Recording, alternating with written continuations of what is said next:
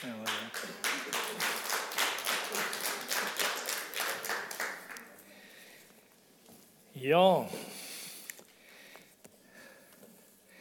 Det er jo nesten eh, Jeg må bare si det er nesten for ille at det, denne dagen snart er over.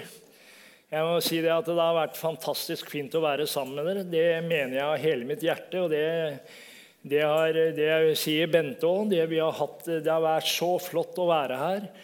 Og så flott å møte mange av dere. En del av dere kjenner jeg jo fra før.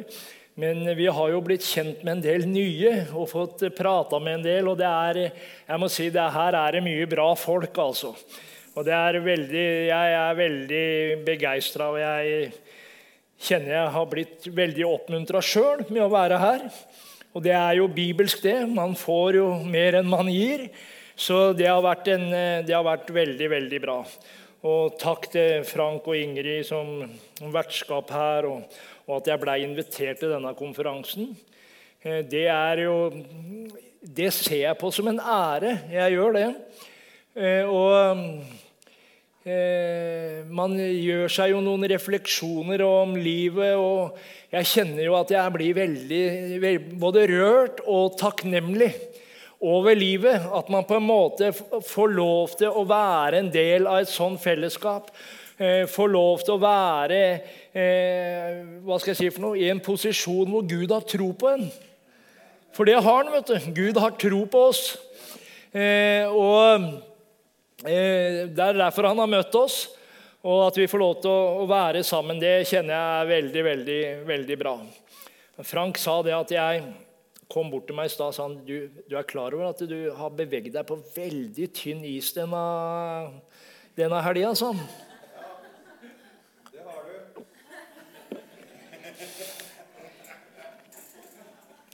Både sa jeg Jeg sa først at jeg syns at, at, at, Ingrid kunne godt vært bergenser. Det trekker jeg selvfølgelig tilbake. Noe, noe mer ekte trønder enn Ingrid kan jeg ikke tenke meg. Jeg beklager på det sterkeste. Og at det var bedre å være i Finnmark enn i Trøndelag, jeg legger meg flat. Jeg legger meg helt flat. Jeg trekker det helt tilbake. Det er aldri sagt. Nei, det var en fleip. Ja, Dere har ikke hørt det? Nei. Amen. Jeg tenkte bare jeg skulle Jeg har ikke spurt om lov til dette her, men eh, det er mye jeg ikke har spurt om lov til. Eh, men jeg har med en bok som Leif, Leif Holstad har skrevet. Eh, jeg har med de syv siste eksemplarene av første opplag. Det er et nytt opplag i trykken nå, men eh, denne boka her eh, den syns, Personlig så syns jeg den er helt fantastisk. Eh, det, den, den, eh, den, burde egentlig alle kristne lese. Og så er den skrevet på en sånn måte at den, for det første så tror jeg du kommer til å få noen gode, herlige aha-opplevelser. Du kommer til å bli oppmuntra og inspirert. Og så kan du gi den til hvem som helst. Sånn er den skrevet. Du kan gi den til hvem som helst. Det står bakpå her. Boka heter jo 'Tenk om'. Det finnes en lys og evig framtid. Så står det bak her. Tenk om det finnes en medisin som kan helbrede fra selvforakt og lav selvfølelse. Tenk om det finnes et middel som kan fjerne skyldfølelse. Tenk om det er mulig å få fred i sjelen. Tenk om det finnes en kraft som kan sette fri fra rusavhengighet. Det hadde vært gode nyheter, det. Det er mulig å få oppfylt alt dette og enda mer. Dette er bare noe av innholdet i brevet som Paulus skrev til menigheten i Rom. Leif Olstad tar oss med på en reise gjennom de første åtte kapitlene i Romerbrevet. Et brev som handler om Guds overnaturlige og livsforvandlende kraft. Gjennom vitnesbyrd og egen erfaring som tidligere rusmisbruker viser Leif Holstad oss hvordan innholdet i romerbrevet har kraft til å gjenopprette liv. Den boka burde du få tak i. Jeg har syv eksemplarer, men du får ikke kjøpt den ha-ha-ha. Det er bare én måte å få den boka på. Og det er nesten enda bedre enn å kjøpe den. Og det er å bli fast giver i Maritastiftelsen. Blir du det, så får du boka gratis. Men jeg har bare syv igjen. Det er jo altfor lite. Men hvis du blir fast giver til Maritastiftelsen før du reiser hjem, så får du boka gratis. Var ikke det bra tilbud?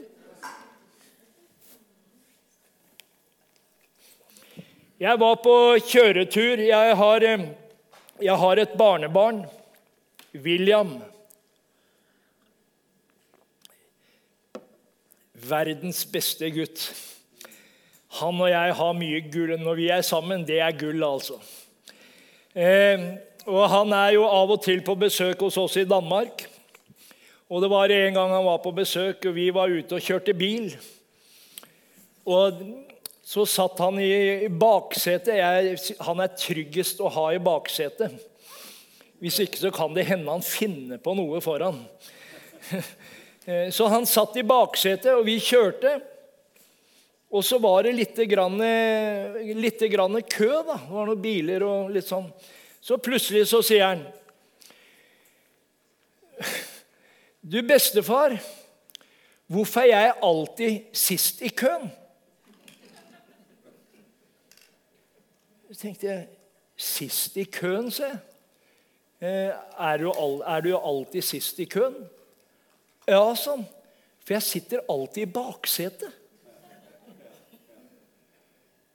Det var godt. Det var godt eh, det, det var, han, han, hadde et fantastisk poeng, vet du. Så sa jeg til ham En dag, William, så skal du sitte i forsetet. Om ikke så lenge så skal du få lov til å sitte i forsetet. Og når det har gått litt lengre tid, når du har sittet i forsetet en stund, så skal du få lov til å sitte i førersetet. Ja, da er det du som er først i køen. Du skulle sett gutten ut og bare Wow! altså Han strålte opp. vet du. Og Da tenkte jeg på det. Vi er kalt å sitte i førersetet. Du og jeg er kalt å sitte i førersetet. Det er vi som skal sette agendaen i samfunnet. Det er vi som skal bringe de gode nyhetene ut. Det er vi som skal være dem som, eh, som eh, Hva skal jeg si for noe? Som setter standarden. Ikke sant? Vi er i førersetet. Vi sitter ikke i baksetet vet du, og venter i køen. Vi er i førersetet. Og du er en ressurs. Det hadde jeg tenkt å avslutte denne dagen med. Du er en ressurs. Det er mange som sier og hører liksom, ja, det er lett for han og det er lett for hun og greier, men jeg liksom, det er ikke sånn meg. liksom, Det er noe helt annet. Vet du hva? Du er en guddommelig ressurs. Ja, men jeg har ikke noen nådegaver, jeg har ikke det, og jeg har Nei, men du er en ressurs. Du er en ressurs fordi du er akkurat den du er. Og Gud har lagt noe ned i livet ditt som eh, han ønsker å aktivisere. Og jeg tenkte litt på det som, eh, som eh, står i Lukas 13, hvor Jesus spør disiplene eller snakker. Jesus han var fin. vet du. Han stilte alltid spørsmål. Han vet du. Stilte spørsmål til disiplene for å utfordre dem litt. Så fikk de aldri sjanse til å svare. vet du. Han kom med svaret sjøl med en gang. Det er fint, altså. Det, eller det er fint og fint. Det, det er jo greit, men han var sånn, da. Han var sånn, og jeg er sånn. Så spør han disiplene eh, hva skal jeg sammenligne Guds rike med. sier han. Åssen skal jeg forklare Guds rike? spør han disiplene. Og før de får sjanse til å svare, så kommer han med svaret på det. Hvordan, hvordan han skulle forklare Guds rike. Så sier han det er som en surdeig som en kvinne hadde, som hun gjemte i tre skjepper mel til alt var gjennomsyra. Jesus' enkleste måte å forklare Guds rike på så sto det igjen som noen spørsmålstegn antageligvis. Men det var hans forklaring på hva Guds rike var for noe. Det er som en kvinne som hadde en surdeig som hun gjemte i tre skjepper mel til alt var gjennomsyra. Et fantastisk egentlig bilde på Guds rike. For hvis vi ser i 1. Tessalonikerbrev 5, 23, så står det at vi skal helliget tvers igjennom. står det. Vi skal helliges tvers igjennom i ånd, sjel og legeme. Tre skjepper mel. Det er det Jesus snakker om når han forklarer Guds rike. Det er at du og jeg skal gjennomsyres tvers igjennom i ånd, sjel og legeme. Og Det er jo det som er vår kapasitet. Det er det som er vår utrustning. Det er det som gjør at du og jeg blir guddommelige ressurser. Det er at Jesus får gjennomsyre oss i ånd og sjel og legeme. Og, nå, og da tenker jeg Jeg er jo bare en enkel gutt fra, Sønd, nei, fra Fyn. Nei, jeg er jo ikke fra Fyn engang. Men jeg bare må, jeg, du får håpe å si, Syns du dette her blir litt problematisk, så er det helt greit. Er du enig med meg, så er det helt greit. Men når jeg leser det, at, at vi skal gjennomsyres tvers igjennom i ånd, sjel og legeme, så tenker jeg Jeg blir født på ny. Jeg blir en ny skapning. Da er det hjertet som blir bytta ut. Er dere med? Ja, Hun får et nytt hjerte. Han tar ut steinhjertet, og så får vi et kjødhjerte. Og så blir vi født på ny av ånd. Men Bibelen sier jo at vi skal bli gjennomsyra i ånd, sjel og legeme. Det betyr jo det at vi kan bli like jeg, jeg bruker et ord nå som kanskje du rugger litt på. Bli like frelst i kjødet som i ånden, som i sjelen. For det er det det står. At vi blir gjennomsyra av Jesus. Det var det som gjorde at jeg ikke lenger var kriminell. Det var at livet mitt etter hvert ble gjennomsyra av Jesus. Så når jeg gikk forbi en gullsmedbutikk, som jeg normalt sett ville bare ha slått ut ruta og tatt alt det jeg så, stikke så kjente jeg det til å begynne med, så kjente jeg det liksom nappa, nappa i, i armen. Fordi at jeg var ikke helt gjennomsyra ennå. Ånden min sa, 'Jan, jeg er over.' Men det var noe annet i livet mitt som nappa litt. Og du skjønner det etter hvert, vet du, så begynte dette her å slippe taket. Fordi at Jesus fikk innta flere områder i livet mitt. Og jeg husker Jeg kom jo til ungdom i oppdrag en uke etter at jeg var frelst det var jo helt Det var jo, det var jo som å komme fra håpe å si, ja, i hvert fall fra helvete til himmelen. For jeg kom jo rett fra gata. Og så kom jeg rett opp der bare sammen med kristne mennesker som fløy rundt. Og de, de var jo ikke nedpå i det hele tatt. ikke sant? Og, og, ba til Gud og priste Herren.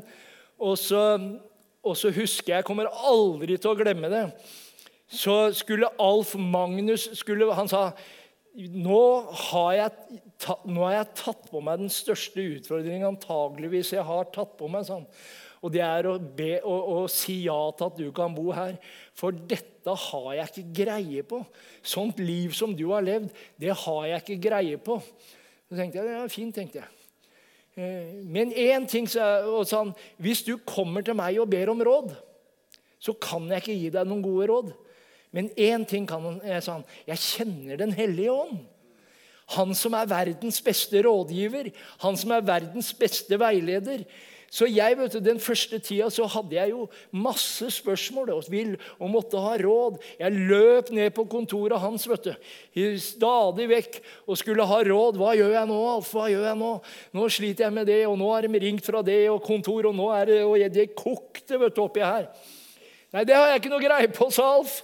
Vi går på kne, og så ber vi, ber vi Den hellige ånd vise, vise deg du, du skal håndtere det. Og det var, Jeg har aldri vært så mye på kne som jeg hadde det første året jeg var kristen. Eh, jeg er ikke så mye på kne nå, men jeg har fortsatt å be til Gud. da. Eh, så, og så ba vi, vet du. Og Den hellige ånd åpenbarte seg, og så ga han meg gode råd. Amen. Så jeg var i stand til Og det var det som gjorde forskjellen i mitt liv. Det var at plutselig altså, hadde jeg fått en god rådgiver som veileda meg, og som rettleda meg, og som gjorde at jeg etter hvert begynte å skje ting. Og så sa Alf til meg, 'Hvis du skal bli stående sånn Så jeg har ikke noe greie på å jobbe med rusmisbrukere, men én ting vet jeg sånn. Hvis du skal beholde den gløden, og hvis du skal beholde det, det, åndelige livet ditt, så er det én ting som er viktig. sånn.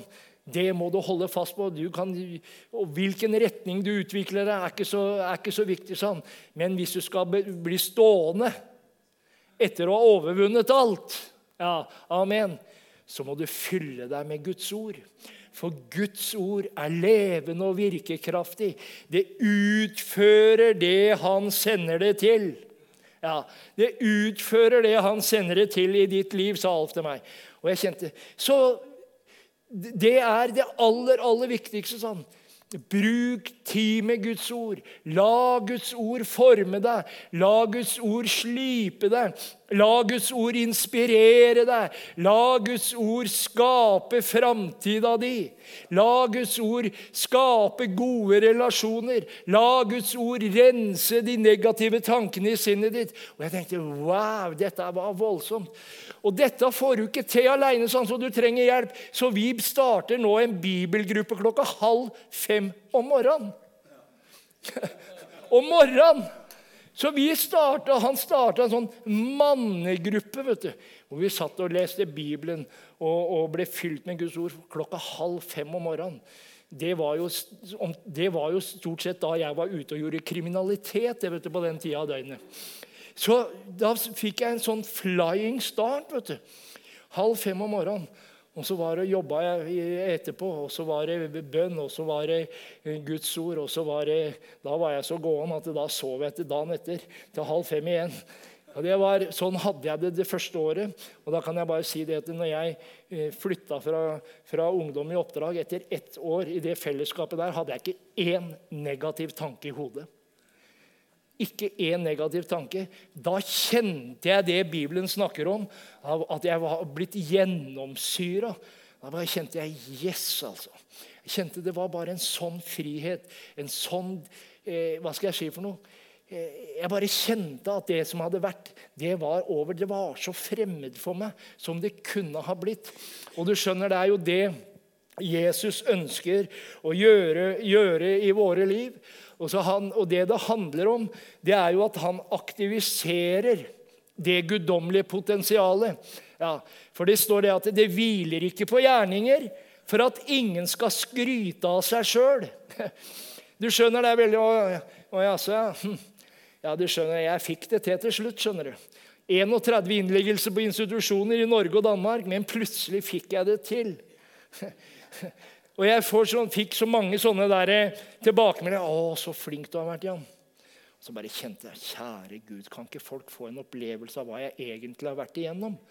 For jeg visste at jeg hadde mislykkes gang på gang på gang. Jeg visste, jeg visste i mitt liv at alt det jeg hadde prøvd å få til, det hadde vært mislykka. Og så var det plutselig en som lykkes med å gjøre noe i livet mitt og det var det guddommelige potensialet som Gud hadde lagt inn i det øyeblikket jeg ble en kristen. Så flytta han inn i ånd, sjel og legeme. Og så gjorde han meg hel. vet du. Han gjorde meg hel. Jeg ble frisk i kroppen av det. Jeg, det skjedde eh, mirakler på mirakler som Gud bare gjorde sånn stadfesta sitt ord. Uka før jeg ble frelst, vet du, så hadde jeg Nå må dere bare slappe av, jeg skal jo snart dra, så det er ikke noe farlig, dette her. Men uka før jeg ble frelst, så hadde jeg prøvd å rane en gullsmedbutikk. Det var før jeg var frelst. bare sånn.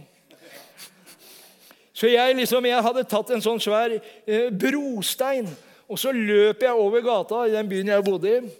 Og så hoppa jeg inn i den gullsmedbutikken, i vinduet sånn, akkurat som, nesten som Supermann tenkte jeg, skal jeg knuse den, så tar jeg bare alt gullet og så stikker jeg.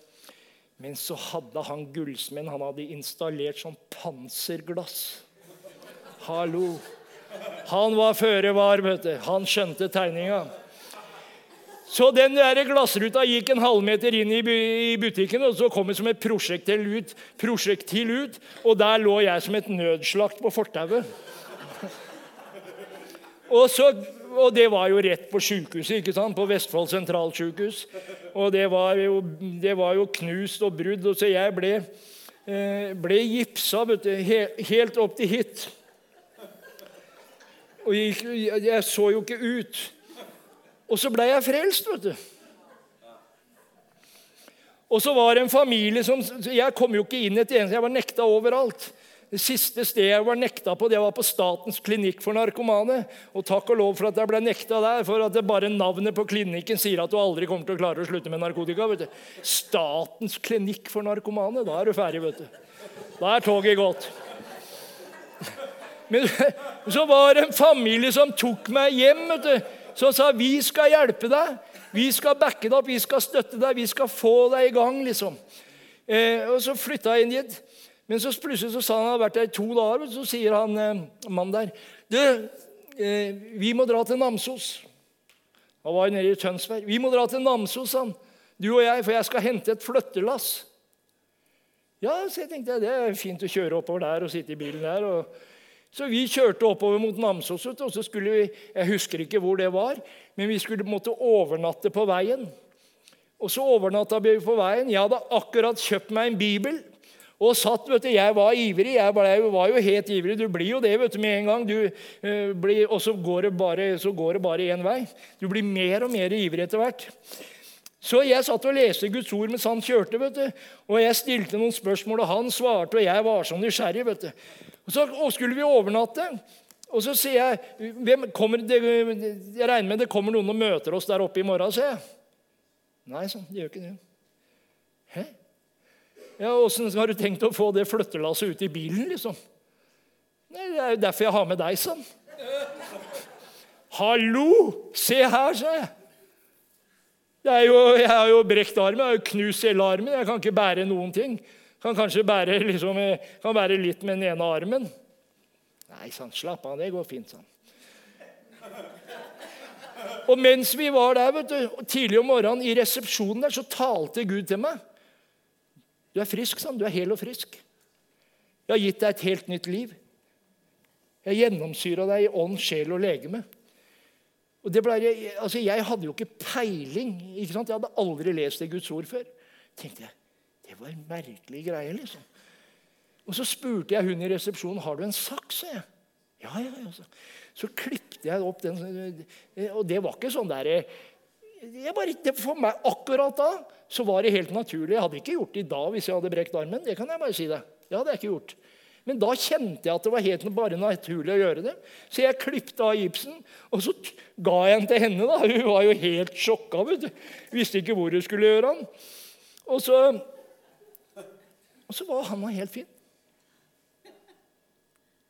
Vi dro inn til Namsos, fylte opp den bilen med flyttelass. Jeg bærte. Kjøleskap og komfyr og, og alt mulig. Bærte sofaer og kom ned. Og Dagen etterpå skulle jeg til kontroll på Vestfold sentralsykehus. Kom der. Og han, Legen han var rasende. Sånn, 'Hvorfor har du tatt av gipsen?' sa han. 'Jeg hadde ikke behov for den lenger', sa jeg.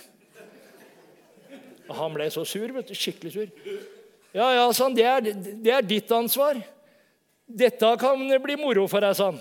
Så vi dro inn, på, inn og ta nye bilder. vet du. Så kom vi inn, og var han enda mer gretten. vet du. Så han, det er ikke noe brudd der, sa han. Nei, jeg vet ikke, sa jeg, men det er du som har lagt den på.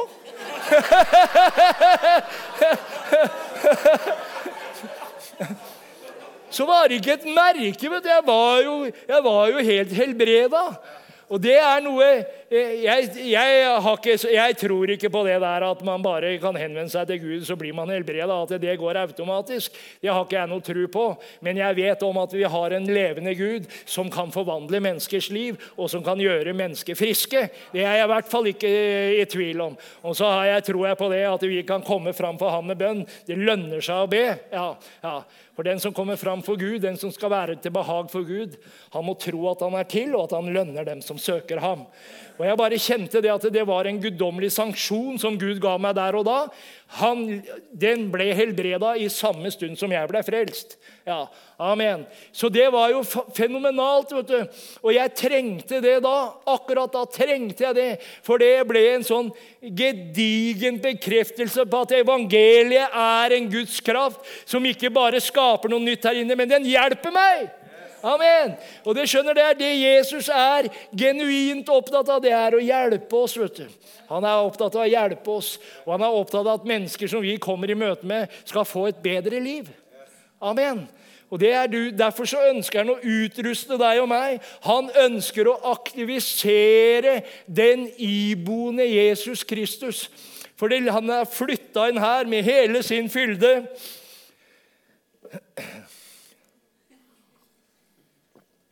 Når jeg blir ivrig, så blir jeg skjelven. Er det fordi jeg er gammel, Frank? Nei. Jeg blir bare, da, da. Så sier Bente du, du, du, du skjelver så fælt.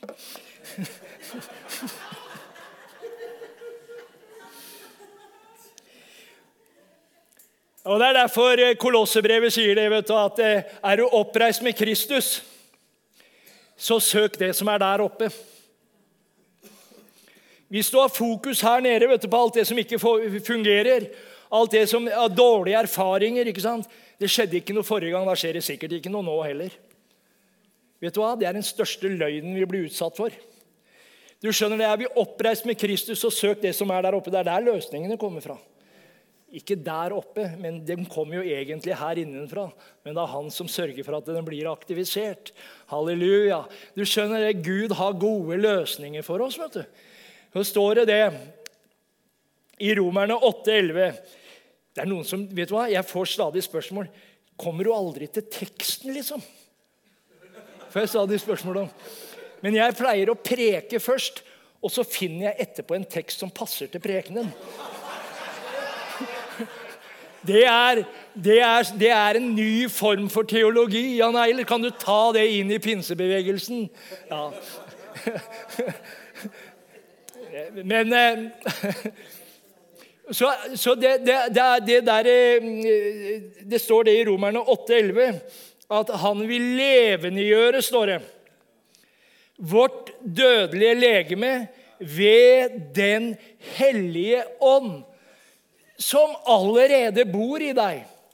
Og Det vil si det at det guddommelige potensialet som Gud har lagt inn, hit, inn her, det vil Gud aktivisere i ditt og mitt liv ved Den hellige ånd. Amen. Og du skjønner Det er derfor de ikke hviler på gjerninger. For at ingen skal kunne skryte av seg sjøl. For det er en Guds gave, Den hellige ånd, som kommer inn i livet vårt, og som aktiviserer hele dette potensialet, så du blir en guddommelig ressurs. Du er en guddommelig ressurs, vet du. Ikke sant? Ikke fordi du er så klok, ikke fordi du har levd et så ryddig liv, ikke fordi du har vokst opp i Betel, snarere tvert imot. liksom. Men du er en guddommelig ressurs fordi Jesus har flytta inn i livet ditt. Han har endra livet ditt. Han har gjennomsyra deg i ånd, i sjel og i legeme. Og da, Det er da, på det øyeblikket du og jeg blir smittebærere for evangeliet. Liksom, der liksom ble jeg smitta. Du skjønner, det er en smittsom eh, Det er noe som er mer smittsomt enn både hiv og hepatitt C og alt mulig. Jeg har ikke hatt alt sammen, men jeg har hatt noe av det. Men du skjønner det. Det som er aller mest smittsomt, det er evangeliet. Evangeliet om Jesus. Og du er en smittebærer gjennom den du er. Fordi at det, du har sett sånn som det er gamle pinsevenner. vet du. Nå må jeg være litt forsiktig, for her sitter det sånne gode eldre mennesker fra Røros og Tordis og det. ikke sant? Halleluja. Men hun har bedre humor enn meg, altså. Men du kjenner liksom der, jeg husker Det var sånn jeg forestilte meg pinsevenner. vet du. En gamle tanter som sto sånn på, på tærne.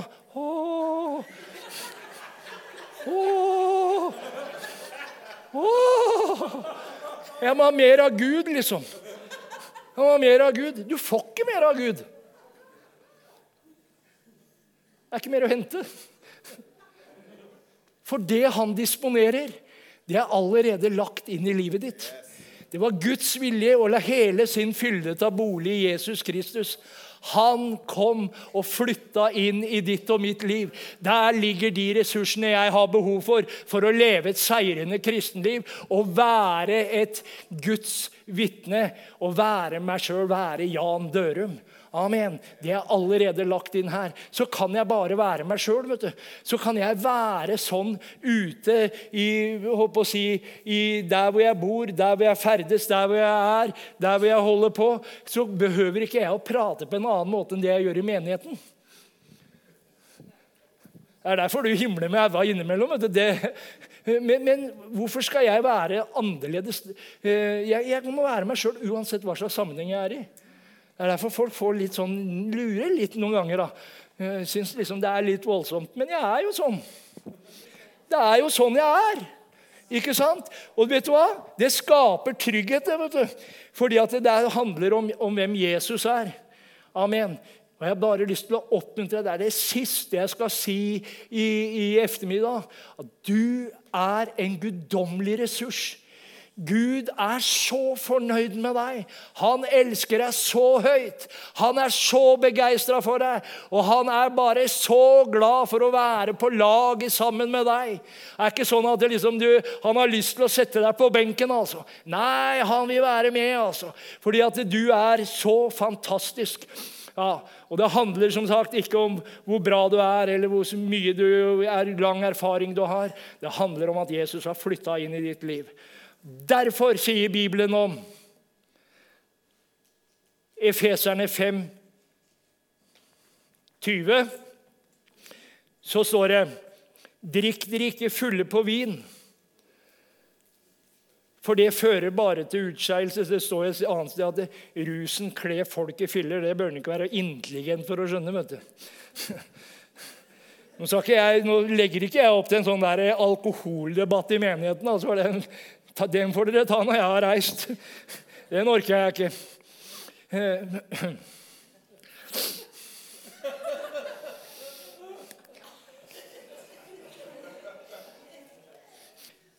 Men drikk dere ikke fulle på vin.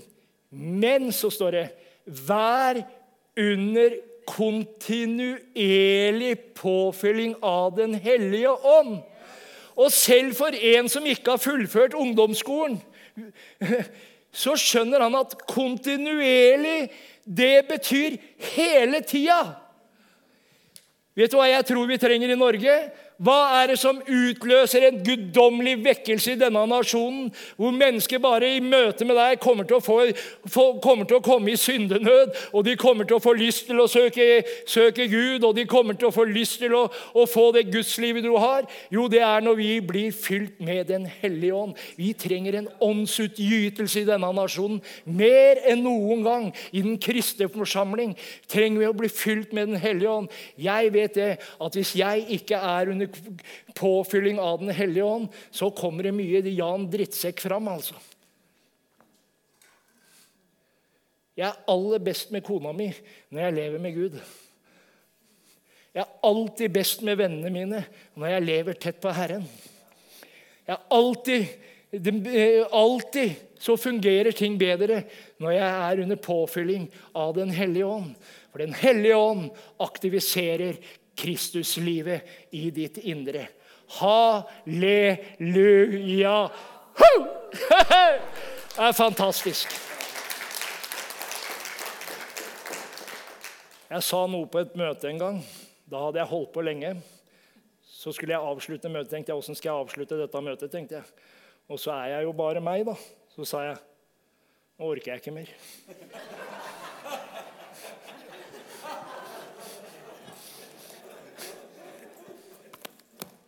Sånn er det akkurat nå.